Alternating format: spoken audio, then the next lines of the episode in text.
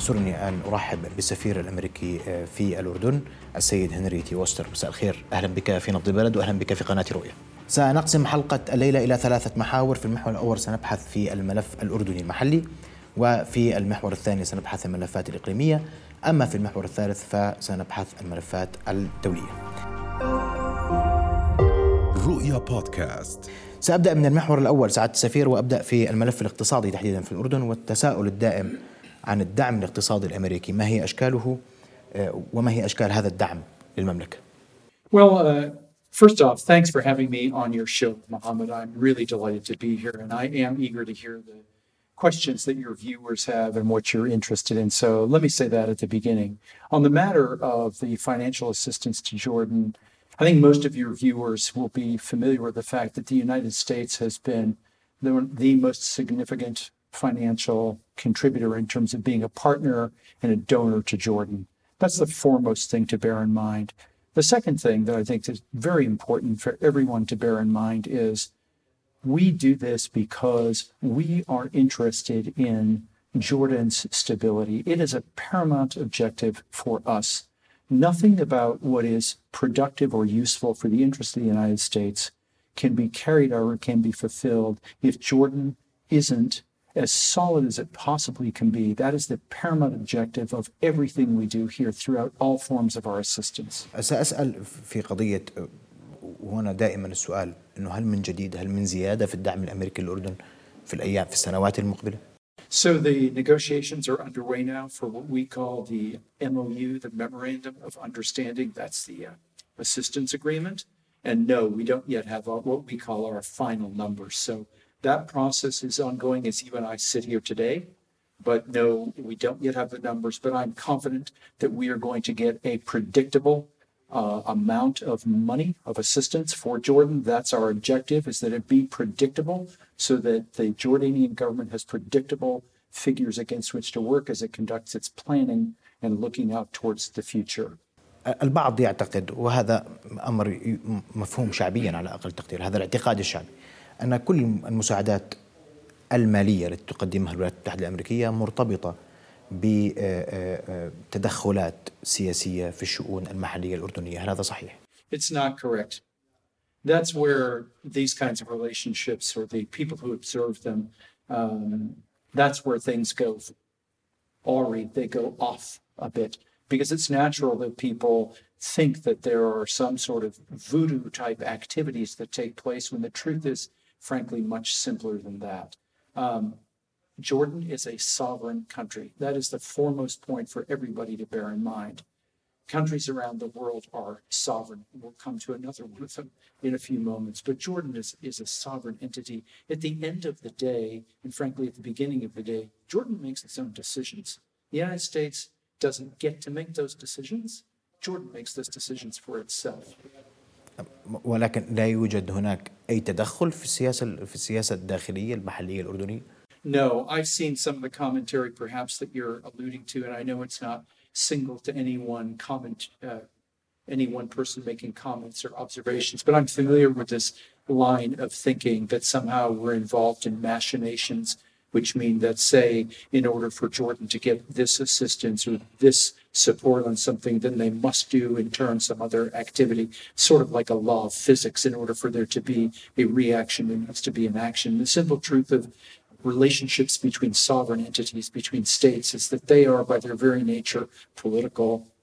And no, they're, it's not a mercantile relationship where in order for me to get a commodity, I give you uh, a certain amount of currency. That's not what this relationship has looked like for more than 70 years now, and it's not what it looks like today. طيب سأعود في هذا الإطار برضو هناك بعض ال ال ال الأقوال الشعبية حديث متداول أن الولايات المتحدة الأمريكية تضغط على الأردن في ما يتعلق تحديدا في قضايا الشباب وقضايا المرأة So uh, we have priorities in the same way that all states do. Uh, and in this case, one of them is we would like to see greater economic opportunities created in Jordan. And one of the objectives that we aim for is the empowerment of women and youth with the end in mind that Jordan, number one, is a very young country. What, 70% of your of the kingdom is 30 something or younger? That's a stunningly young country. And the good news is that you're young and well educated. But also, that is your future. The greatest resource for any country, notwithstanding, say, high tech or, or whatever else they may have, oil or gas or what you may or may not have, uh, your people are your foremost resource. And that's why our investment is in youth. And to be clear, youth here is a somewhat elastic term. It's not just, uh, we're not talking five year olds. Youth in the lexicon that's used for the professional understanding of this usually means what we would normally call young adults. So, say age about 18 into their 30s. So, that's what youth is. And women, of course, are 50% of your population. Again, Jordan is a very young country. The majority of your population are young. And we would like to see more economic opportunities created for those people and also by them, make the investment in them today so that in time they in turn are able to return that to Jordan in terms of an educated populace. Women alone in a country, in this country, in Jordan, we've done the statistics on it. If you look at the women alone in Jordan, if you were to employ them maximally, again, that would assume that uh, all women would wish to be, or the majority would wish to be doing that.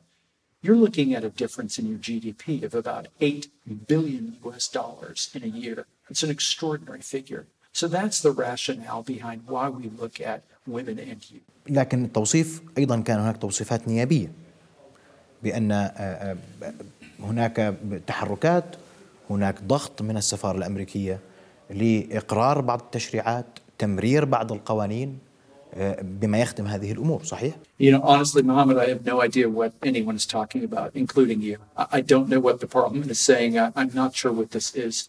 So if you can be more explicit, please do. But I, uh, this is news to me. I mean, I've heard the rumor, Yeah. but the notion of some uh, something that we're cooking up behind people's backs or twisting someone's arms for some uh, legislation or whatever they're pointing to is a mystery to me.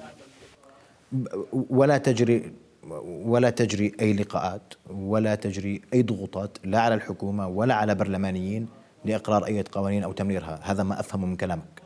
I am completely 100% unfamiliar with any pressure on the part of the United States Embassy to twist any arms in the Parliament of Jordan about anything at all. هذا هذا هذا هذه إجابة مناسبة وواضحة وفي في هذا الإطار كان في قضية المياه وتوقيع اتفاق النوايا وكان هناك دور أمريكي في هذا الاتفاق والبعض أشار إلى أن الضغط الأمريكي هو من دفع الأردن لتوقيع اتفاقية المياه اتفاق نوايا المياه I say that it's incorrect, that whoever is saying this is misinformed. So it is in the interest of the United States to see Jordan diversify its water supplies.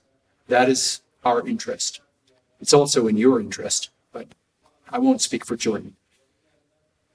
That is correct. But this treaty that you're referring to, or this agreement, what I think of as Project Prosperity, this is a commercial driven deal between the private sectors of the three countries that you named, not the United States. It's between Israel, Jordan, and the Arab Emirates. That's where the deal is. It's a commercially driven treaty. Are we supportive of that? We're supportive of it. Why? We're supportive of it, yes, because Jordan needs to diversify the sources of its water supply. You don't need lectures from any foreigner, much less from me, about the fact that Jordan is what, the second, third most water scarce country in the world. So you need as many sources of water as you can find. This is potentially one of them. Let me be clear this is a sovereign decision for Jordan or for the commercial actors involved in terms of whether they see something there that's worth their while, not for the United States government. Again, you know why we're interested. We want the diversity of water supplies. We are not a partner in it. We don't have any funding involved in it. هناك من يقول اذا لماذا لا تدعم الولايات إذا كنتم يعني حريصين على مسألة المياه والاستقرار الأردني في موضوع المياه؟ هناك قضية الناقل الوطني. وهذا مشروع طرحته الأردن لماذا لا تدعم الولايات المتحدة الأمريكية هذا المشروع؟ So Red Sea Dead Sea was an outgrowth directly of the 1994 Wadi Araba Treaty. The United States put $100 million into an escrow account to support that project. We were very keen to see it come to pass. When I served in Jordan before, which was not a long time ago, we were also very keen to see it pass. However, it never did come to pass for a mixture of reasons that are partly that are economic, maybe political as well. Long story short, it didn't come to pass. Meanwhile, Jordan's need for water, again, given the criticality of water as a resource, and by that I want to be absolutely clear if you don't have oxygen to breathe as a human being, you don't survive. If you don't have water to drink, you don't survive. So when I say critical, I really mean a strategic requirement, absolute necessity for human life, much less production, agriculture, and so forth. So it was very important that Jordan be able to meet its requirement. What Jordan did was to go instead with its own water, des- uh, sorry, with its own desalination process, which is what you sometimes hear referred to as the Aqaba Amman water conveyance, the national conveyance. It's all the same idea. Desalinate water coming out of the Red Sea. It is entirely within Jordan's control, 100%. And so that's the project you have before. We were very keen to see Red Sea, Dead Sea uh, flourish. Why? Jordan needed the water and it also promoted the other aspect of what which Wadi Araba was keen to promote, which was regional integration. But for a mixture of reasons, that project did not come to pass, and Jordan could not afford to wait any longer to get water. اليوم يعني انت ذكرت موضوع المياه وذكرت موضوع الشباب والمراه ما الاولويات الاخرى للاداره الامريكيه فيما يخص الاردن؟ there's an absolute priority. And the one task I was given when I came to Jordan was Henry, Jordan, it's imperative that it is stable as possible. If you can get it on its path to prosperity, all the better. Again, the absolute imperative in a single word is stability. We would like to see things move at better than stability. We would like to see resilience and strength.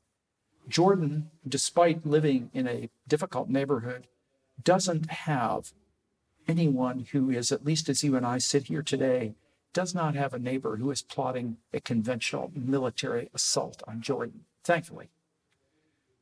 The terrorists who are in the region, and some of whom may be about in the kingdom, but I'm thinking primarily in the region, they don't have, again, through the good work of your security services, they don't have the capability to take on the Hashemite kingdom, to take on the state.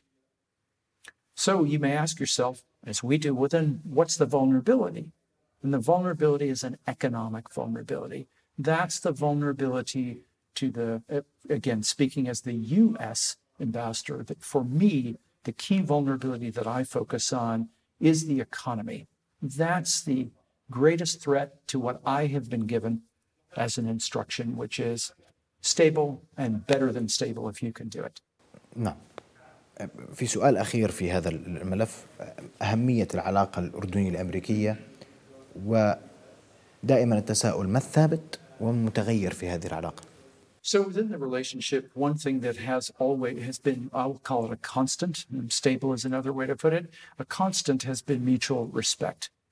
The United States doesn't have any other partner quite like Jordan certainly not in the Middle East, and arguably anywhere in the world. This is a relationship that has gone back for generations, it's gone back for decades. We have projects and issues that shift in terms of what's on your agenda today, what's on ours, what's on our mutual one. Those may change with time. So those will shift, and that's appropriate and natural. But again, what does not shift is the bedrock foundational mutual respect. It speaks volumes, and it should, that the first head of state to visit the White House, to go to the Oval Office with the president, was King Abdullah. بهذا بهذا القدر أكتفي في الملف المحلي سأنتقل بعد فاصل قصير للمحور الإقليمي وسنبحث في قضايا متعددة تخص هذا المحور سواء القضية الفلسطينية أو سوريا الملف اللبناني وأيضا موضوع الحرب في اليمن. نواصل حوارنا وضيفنا الكريم. هذا المحور مخصص للملف الإقليمي وسأبدأ من القضية الفلسطينية وسعادة السفير في هذا الموضوع هناك سؤالين إن صح التعبير في موضوع القضية الفلسطينية الأول من يتحمل اليوم من وجهة نظركم مسؤولية عدم تقدم عملية السلام وفي الجزء الثاني هل انتهى موضوع صفقة القرن بانتهاء عهد ترامب The Biden administration has been very clear in terms of what its perspective and its policy is on the Middle East, and notably with what you had mentioned. So, as you know, and as your viewers, I trust, will be aware, uh, the Biden administration does not have anything called the deal of the century. So, it's not a fair charge to say, and I've heard this uh, in a number of places, I've also heard it in some quarters at home, it's not a fair charge to say that the U.S. has stepped away from the Middle East. Uh, I understand uh, why some people believe there are some grounds to make that, uh, to come to that conclusion. But the fact of it is that we have a policy, particularly with regard to what we have traditionally called the Middle East peace process. This administration's policy towards the Middle East peace process has been unequivocal and it's been straightforward. The president has maintained his support and the administration's support for a two state solution. The president and the secretary of state, of state have been, among others, have been straightforward and also public in terms of their declarations about the harm they see that settlement activity brings to peace and to the prospects for a two state solution for a negotiated political outcome. We've seen the same statements about the U.S. continued desire to reopen our consulate in Jerusalem. So I think the administration has been absolutely crystal clear about whether or not we're still in the Middle East and whether or not we are still involved with the peace process. It is to the benefit of the interests of the United States that there are political horizons for the Palestinian people. It is absolutely not in our interests that they feel that they are in a desperate circumstance. Number one, on a humanitarian level, obviously that's not an appropriate situation to take. But stepping away from that for a moment in terms of how do you serve the interests of the United States, again, stepping just for a moment away from the objective human side of it, how do you serve those interests? Is it by imperiling the prospects for peace for an entire people? Is that going to serve our interests well? It is not which is why you have seen the president and the secretary of state in particular make the statements that they have. And we haven't stopped with that position. That remains our stance in terms of our diplomacy on the Middle East peace process. لكن اليوم لا جديد في هذا الملف ولا ضغط امريكي اتجاه هذا الملف كما شهدناه في اوقات سابقه. That's not true. Unfortunately, a fair bit of diplomacy, we often ascribe uh, things that we don't see to intelligence activities. Fair. Um, but it is also true of some amount of diplomacy, and it has been true through the ages. Not everything you see will be trumpeted in front of TV cameras or in newspaper headlines. So, quiet diplomacy still has a place in U.S. diplomacy, including in the Middle East peace process. So, that said, I would like to acknowledge, because I think it's a fair observation, I realize where I'm sitting and I realize who I'm talking to. And I don't mean just you, Mohammed, sitting here today. Yes, you, but also to the Jordanian people who I know have direct and personal connections into this situation and who, in many cases, are here because of the result of what had happened before years ago. I understand those things, and they are right, and you would be right if the question that you are posing is also about haven't things not been as ideal as they should be? Isn't the situation with areas where we would wish it would be better? And you're absolutely right. Of course it is. Of course it is. The situation isn't what we as American diplomats would hope it was. We would love to see that there were political horizons that we didn't in 2022 need to be negotiating. But this is 2022, and this is the situation we're in. We would love to see different approaches to it. We'd love to have seen peace established a long time ago, but we haven't. So, again, all I can offer you today, and more particularly to your viewers, is it is still the position of the United States that we aim for a negotiated political outcome. And a negotiated political outcome to the United States means a two state solution. That remains the policy of the United States. I hope that's helpful. سأبقى في الملف الإقليمي سأنتقل إلى الملف السوري. وأين تقرأ الولايات المتحدة الأمريكية اليوم؟ الوضع في سوريا وإلى أين يتجه هذا الوضع في سوريا؟ Of course, again, uh, I'm once again mindful of where I'm sitting because you and I are both sitting today as we speak only so many kilometers here, and even in Amman, we're sitting so many kilometers away from the Syrian border and from the conflict, and more particularly the effects of that conflict here. The most immediate one, of course, and the common one that's understood is the huge inflow of refugees that Jordan has been an extraordinary host for for years now over the course of the Syrian conflict. So I'd like to acknowledge that up front because it is extraordinary, and I mean in the truest sense of what the word means. I don't know what that would look like in my country if you were to put the same proportion of refugees into the United States, or for that matter, any other country on this earth. So, again, huge thanks to Jordan for the remarkable work that you have done uh, as a people and as a government. Uh, on the matter of the conflict and where it's going, similar to what we just spoke about a moment ago with the Palestinian Israeli situation. Likewise, here, what sort of an outcome are we going to be looking for in Syria? The only feasible, the only durable outcome to the Syria conflict is a negotiated political outcome. It can't be solved with bombs, it can't be solved with guns. You can win a battle with those instruments, but you can't secure the peace in that way. That will need to come from other sources. In the meantime, and I need to be very clear about this, we have not changed any of our posture in terms of normalization vis a vis the Assad regime. There is no normalization for the United States and for US policy with the Assad regime. That moment can come once there is a negotiated political solution. But until that time, no. We remain the largest and have remained the largest humanitarian contributor to Syria, given the devastation of the conflict and its effects on Syria, on the Syrian people, and on the outflow of refugees to countries, for instance, to Jordan, also into Turkey and into other countries. Lebanon comes to mind too. والعقوبات ستبقى قائمة على سوريا وفق ما أفهم من إجابتك Yes, the sanctions remain in place. There has been no diminution of U.S. sanctions with regard to the Assad regime. Again, we do not support any so called normalization with Assad.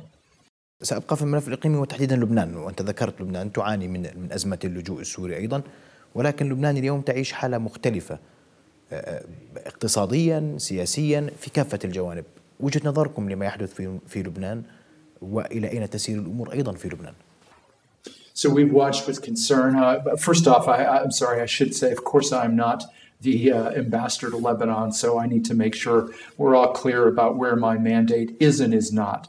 Um, but in terms of making the observation as a, as a as an American diplomat in Jordan, looking at it, we share the concerns that Jordan has about the destabilizing uh, consequences, and of course the human suffering uh, as well. So, huge thanks to Jordan for the enormous work that you have done for the provision of energy supplies to Lebanon. Uh, in the, with the work that you're doing to supply their grid so that in turn they have power, so that in turn hospitals can operate, uh, stores can open, so forth and etc. That would not have been possible had it not been done through Jordan.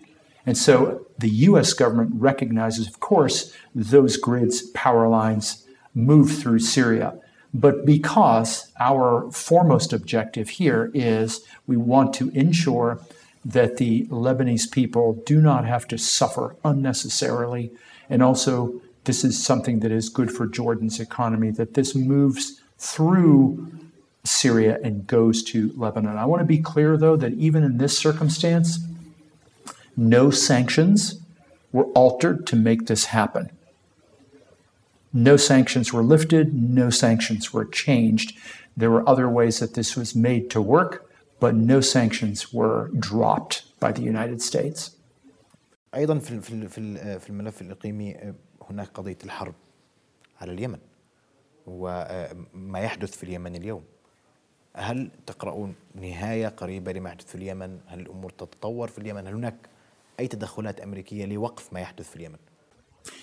First observation I would make is the moment the Biden administration came into power, almost literally on their first day as a new administration, one of the first acts they did was to appoint a special envoy for Yemen, which was remarkable. They made that a priority and announced it in the very first days. So we have a special envoy for Yemen.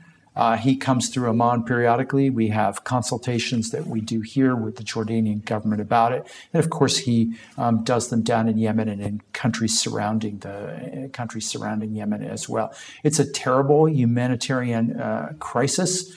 Uh, that's self-evident. Uh, the Jordanian people s- certainly know that, and I think most people, many people around the world, likewise see it.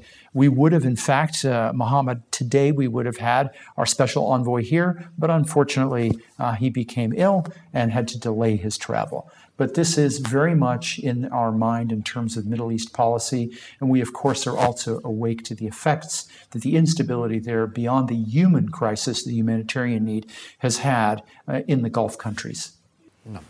أه، سأكتفي بهذا القدر في الملف ال- ال- ال- الإقليمي وسأنتقل إلى المحور الأخير وسيكون حديثنا حول الملف الدولي وتحديدا سأبدأ في ملف ما حدث في أوكرانيا وهناك كثير من التساؤلات حول الموقف الأمريكي إزاء ما يحدث هناك. الملف الدولي وسأبدأ من الأزمة الأوكرانية. وسعادة السفير السؤال اليوم رأيكم بما يحدث في أوكرانيا بين روسيا وأوكرانيا؟ Well, it's Mohammed, it's important to establish some first principles here, and then we can talk about the consequences or effects of that. So let's establish some of the grounding principles here. This is a war of choice by President Putin. He has chosen to make war. It's a war of aggression. There is one aggressor here, and it is Russia. And in particular, it is President Putin. He made, again, he made this choice, and you are seeing what we are seeing. لكن البعض يقول أن الولايات المتحدة الأمريكية شجعت أوكرانيا على دخول هذه الحرب وتخلت عنها صحيح؟ I say, Mohammed, that that is a false comparison. It's also uh, baiting. It's uh, it's a false comparison because I mean let's let's think about this for a second and let's I would ask viewers to to give it a think too. So uh, you're all seeing we're all seeing the same things. We have access to the the same uh, information that's out there, notwithstanding uh, elements of propaganda. But we can come to that in a moment. Um, Ukraine had not uh, attacked uh, Russia. It was not posing an imminent or direct threat to Russia. Uh, beyond that, if we want to go to the next order thinking, which typically we will see the Russian propaganda machine using, and it's um, like minded uh, folks. Uh, well, the very, uh, and you alluded to it here, the notion of enlargement of NATO uh, was a threat. This is, uh, I, I served several times in Russia. I have an extraordinary respect for the Russian people, for a remarkable culture and history, astonishing music, remarkable literature, extraordinary contributions to the world of culture. Uh, plus, I just enjoyed uh, many of my of my times there and experiences. Also, having been a, a student of Russia and of, uh, and of Russian language, so it's important to understand that uh, I don't see this as a situation where um, we take President Putin and those who would join him, and then we smear the entire what 11 time zones of the Russian Federation with this. That's not appropriate. It's also not uh, professional in terms of a diplomatic observation. But President Putin did make this choice. He knew well and full that Ukraine had not used its territory and space to launch attacks or to allow others to launch attacks or operations against the Russian state, nor to attack the security, nor the sovereignty, nor the people, or the resources of the Russian state. But instead, he chose to make this move. As I said at the beginning, it's important to establish first principles and to be grounded in those because if you get the first principle wrong, it's like a mathematical equation. Once you get your first factors wrong, the sum, of course, is going to come out incorrectly. So in this case, it's an appalling situation that we are watching unfold. It's an appalling act of aggression. It's a violation of international normative standards. It's a violation of the principles that were established by the civilized world after the Second World War. And we have fought and bled through generations, including the Russian people, extraordinarily, for exactly these principles, which now perversely they are assaulting. So to me, as a student of history and of Russia, I find it flabbergasting. I find it tragic. And of course, there are the human consequences of the suffering. The attacking of civilians, deliberate.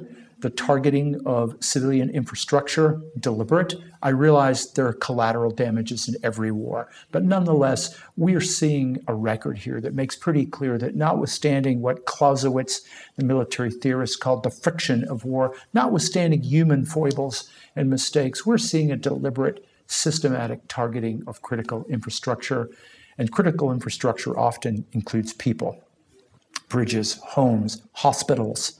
These things are not targets, and they never have been targets as understood by the international laws of warfare. And for maybe members of the audience who might not realize there are such conventions and there are such things, there are in fact such things. And that's why we have war crimes and we have war crimes tribunals and we have accountability because in fact there are such things. التدخل الامريكي واضح على لسان الاداره الامريكيه ان لا تدخل عسكري امريكي في اوكرانيا ولكن على الجانب الآخر الجانب الروسي يقول ما الفرق بين ما تقوم به روسيا تجاه اوكرانيا اليوم وما قامت به الولايات المتحده الامريكيه تجاه افغانستان والعراق Well, again, you know, Mohammed, the notion of what the U.S. military, and by the way, the Jordanian military, uh, likewise alongside us, uh, for which we are remain extraordinarily grateful, in, for instance, places like Afghanistan, uh, that's a I think everybody understands, or I trust everybody will understand. Why were we there? Because Afghanistan was allowing others, namely terrorist groups, multiple of them, to use its space as places from which they would obtain sanctuary, they would conduct training, and they would launch attacks. That's a very different circumstance, meaning not the same circumstance at all from what Russia saw in Ukraine, where that absolutely was not the case. That is a false comparison. إذا ما تحدثت عن العقوبات التي تفرض على روسيا اليوم، هل برأيك ستؤثر هذه العقوبات على روسيا؟ I trust that they will, um, but they're never going to be in the time that uh, you or I or someone else might wish they did. Um, sanctions are an effective tool of statecraft and of diplomacy, um, but they seldom deliver results overnight. Uh, they also are painful, and they also are painful uh, on people they're not aimed at. We are not aiming the sanctions at the Russian people. Likewise, in Syria, we are not aiming our sanctions at the Syrian people. They are targeted and they are aimed at the Syrian regime. In this case, switching now to Russia, they are aimed at the decision makers and the powerful and the people who enable what we are seeing now in Ukraine, the assault on it. That's where the sanctions are aimed.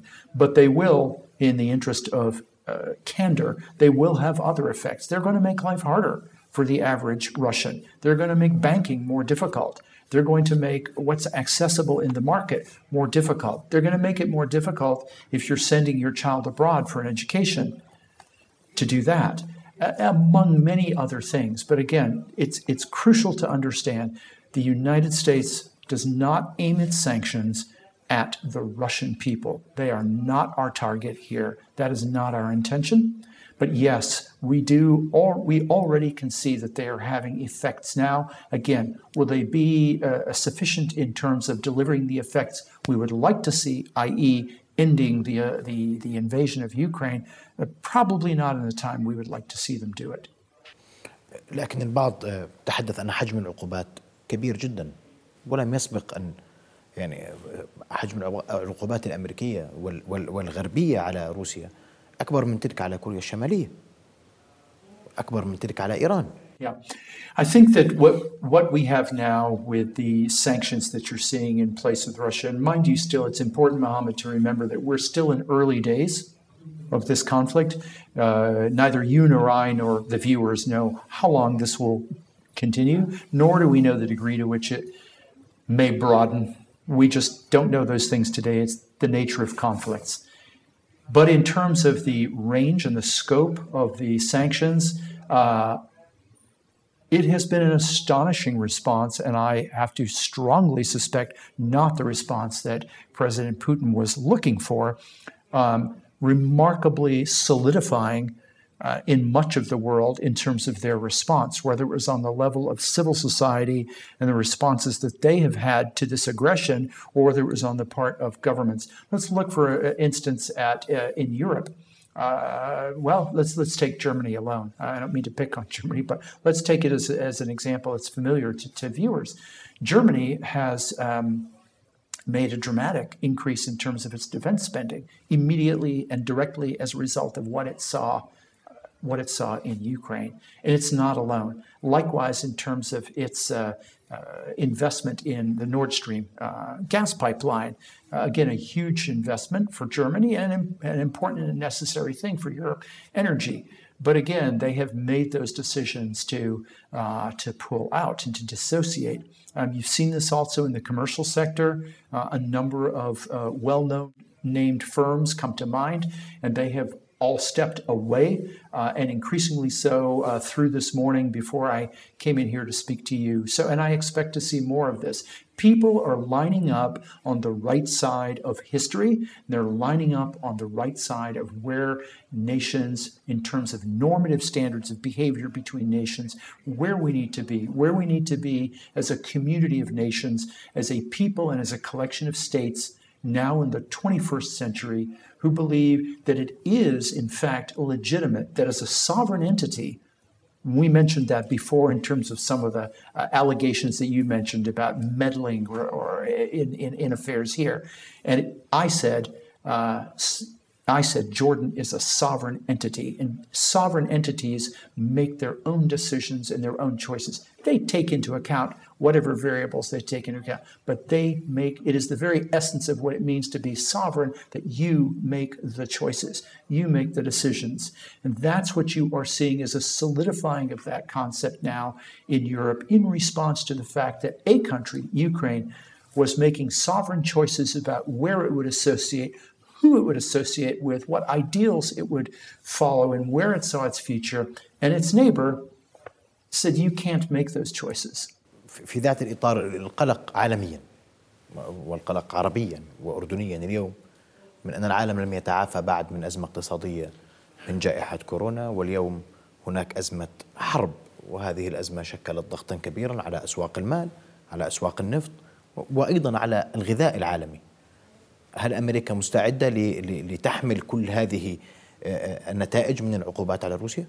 Mohammed, I would be uh, misleading you if I said that we have a plan to resolve all problems worldwide. Uh, I think that's that that would be a stretch. But the fact is, of course, we want to work with everyone, most particularly our partners and our allies, to ensure that we link arms and we link hands and we remain unified. This is a crisis. This is perhaps the most significant crisis of our lifetimes, yours and mine, and all the viewers who are out here, particularly if this conflict expands. And that would be the notion of a land war on the European continent, again engulfing, is, is I'd like to say, unthinkable. Unfortunately, we're seeing now uh, that perhaps it's not so unthinkable. هل ستقومون بالضغط على منظمة أوبك مثلا لزيادة إنتاجها من النفط كون النفط ارتفع إلى أرقام قياسية So you saw the actions that the Washington took in recent hours or in the past uh, day in terms of what the decision we made, and you saw also that we held off making that until we determined we had to do it, which was to also cut ourselves off from the supply of uh, Russian oil. So in the United States now, much less anywhere else, in the United States, gasoline prices are going to go up oil heating, and we have winters, as you know, in some parts of the states that can be pretty, pretty cold.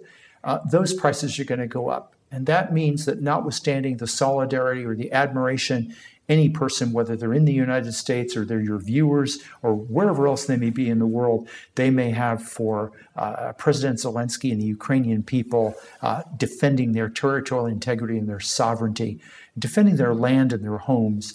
Notwithstanding that, there is going to be a price, and we're all going to feel the price of defending and supporting these principles. And that brings us to uh, a next order question, which is what is the price that we, as civilized nations who believe that other nations should behave within uh, a civilized set of norms and rules, what's the price we're willing to pay for that? How much are we willing to pay? Because it, it's going to be painful. Some places will feel the pinch more, and some places won't feel it so much, but everybody is going to feel it. And so this is going to engender, of course, uh, especially if this conflict prolongs, it's going to engender a debate and hard thinking about all those issues. So, the degree to which the United States can ameliorate uh, those, those painful pinches, as I called them, around the world, well, time will tell, we'll see. We will, of course, focus, as I mentioned a moment ago, we will, of course, focus on our partners and our allies to ensure that together, that we will stand together. By the way, something that President Biden said to King Abdullah when the king was on his visit to the White House last summer was exactly that. The first words out of the president's mouth You have stood with us always, and we in turn will stand with you. And that speaks volumes. في اسمح لي بس المقارنة الشعبية اليوم. الأردنيون بيشوفوا إنه والله أخذنا قرارا واضحا بعقوبات شديدة على روسيا وبكم كبير من العقوبات في ظرف أيام. بينما آه، آه، في دول أخرى لا تحظى بذات القدر من العقوبات أو لا تحظى بأي عقوبات. ومثال الكيان الإسرائيلي وهو يرتكب في ذات من وجهة نظر الأردنية ومن وجهة نظر الشعب الأردني أنها ترتكب ذات المجازر وذات الأعمال الإجرامية تجاه الفلسطينيين I don't know if you're familiar with the term variable geometry, but variable geometry means what I do to achieve my objective with this variable may not be the same thing I do to achieve the same objective with another variable. So that's the truthful answer to you about that. Uh, so I know that looking at the playing field, if you say, well, wait a minute, uh, we're doing this, why is the person next to me or the state next to me uh, not doing exactly the same thing? Uh, I can't ask, it would be straining uh, credulity for me to say, trust me, Mohammed, but I will assure you, as a uh, professional diplomat, that there are different ways to achieve the same outcomes. No one gets out of this for free. سأسأل سؤال أخير لأنه وهو أيضا مرتبط بذات الملف وهو موضوع الإيراني وهناك مباحثات تجري الآن والجميع ينظر وينتظر نتائج ما سيحدث مع إيران وجهة نظرك في هذا الموضوع I worked on the Iranian file in past assignments, but uh, now it's it's somewhat removed from me. So again, I see what you see, but what I understand from the colleagues who are uh, who are involved in these negotiations, I'm thinking primarily of the Vienna talks, right? Where we're talking about the same thing. Um, they're hopeful, and not just in the sense that diplomats, by their nature, need to be to do their jobs, um, but there has been more progress made than uh, we might have considered possible maybe a few weeks ago. Uh, so by no means is, is it resolved now. We still need clarity. We need more clarity from the Iranians about particular sets of issues. The Iranians know exactly what those issues are because we've both talked about exactly what they are. So there's no mystery here, but I don't, as we sit here today, I don't have the answers to those questions. سعد سفير بدي أشكرك على حضورك معنا الليلة وشكرا جزيلا لوجودك ولاجابتك على كل هذه الاسئله شكرا جزيلا لك. Honestly, it's been been great, and I mean that with utmost sincerity. Is I think you know this is my second assignment here in Jordan. I have been in Jordan uh, over the course of uh, happy times in my own life and over the course of uh, deaths in my own family. I have had Jordanians support me and my family in our most difficult times. Uh, and I have been happy to be uh, with Jordanian friends and colleagues in some of both in their difficult times as well as in their happy times, weddings and funerals as well. Uh, and for the rest of my life, Jordan will always have an extraordinarily special part of me because I will have spent more years of my life and in my diplomatic life in Jordan than I have spent anywhere else, including through several assignments in Russia. So uh, please understand that. And it's a real honor to serve here with the Jordanian people and to serve here with your government. Uh, we see eye to eye on many things, and there's some things we don't always see eye to eye on, which is, by the way, a pretty normal uh, way of going about one's diplomatic life.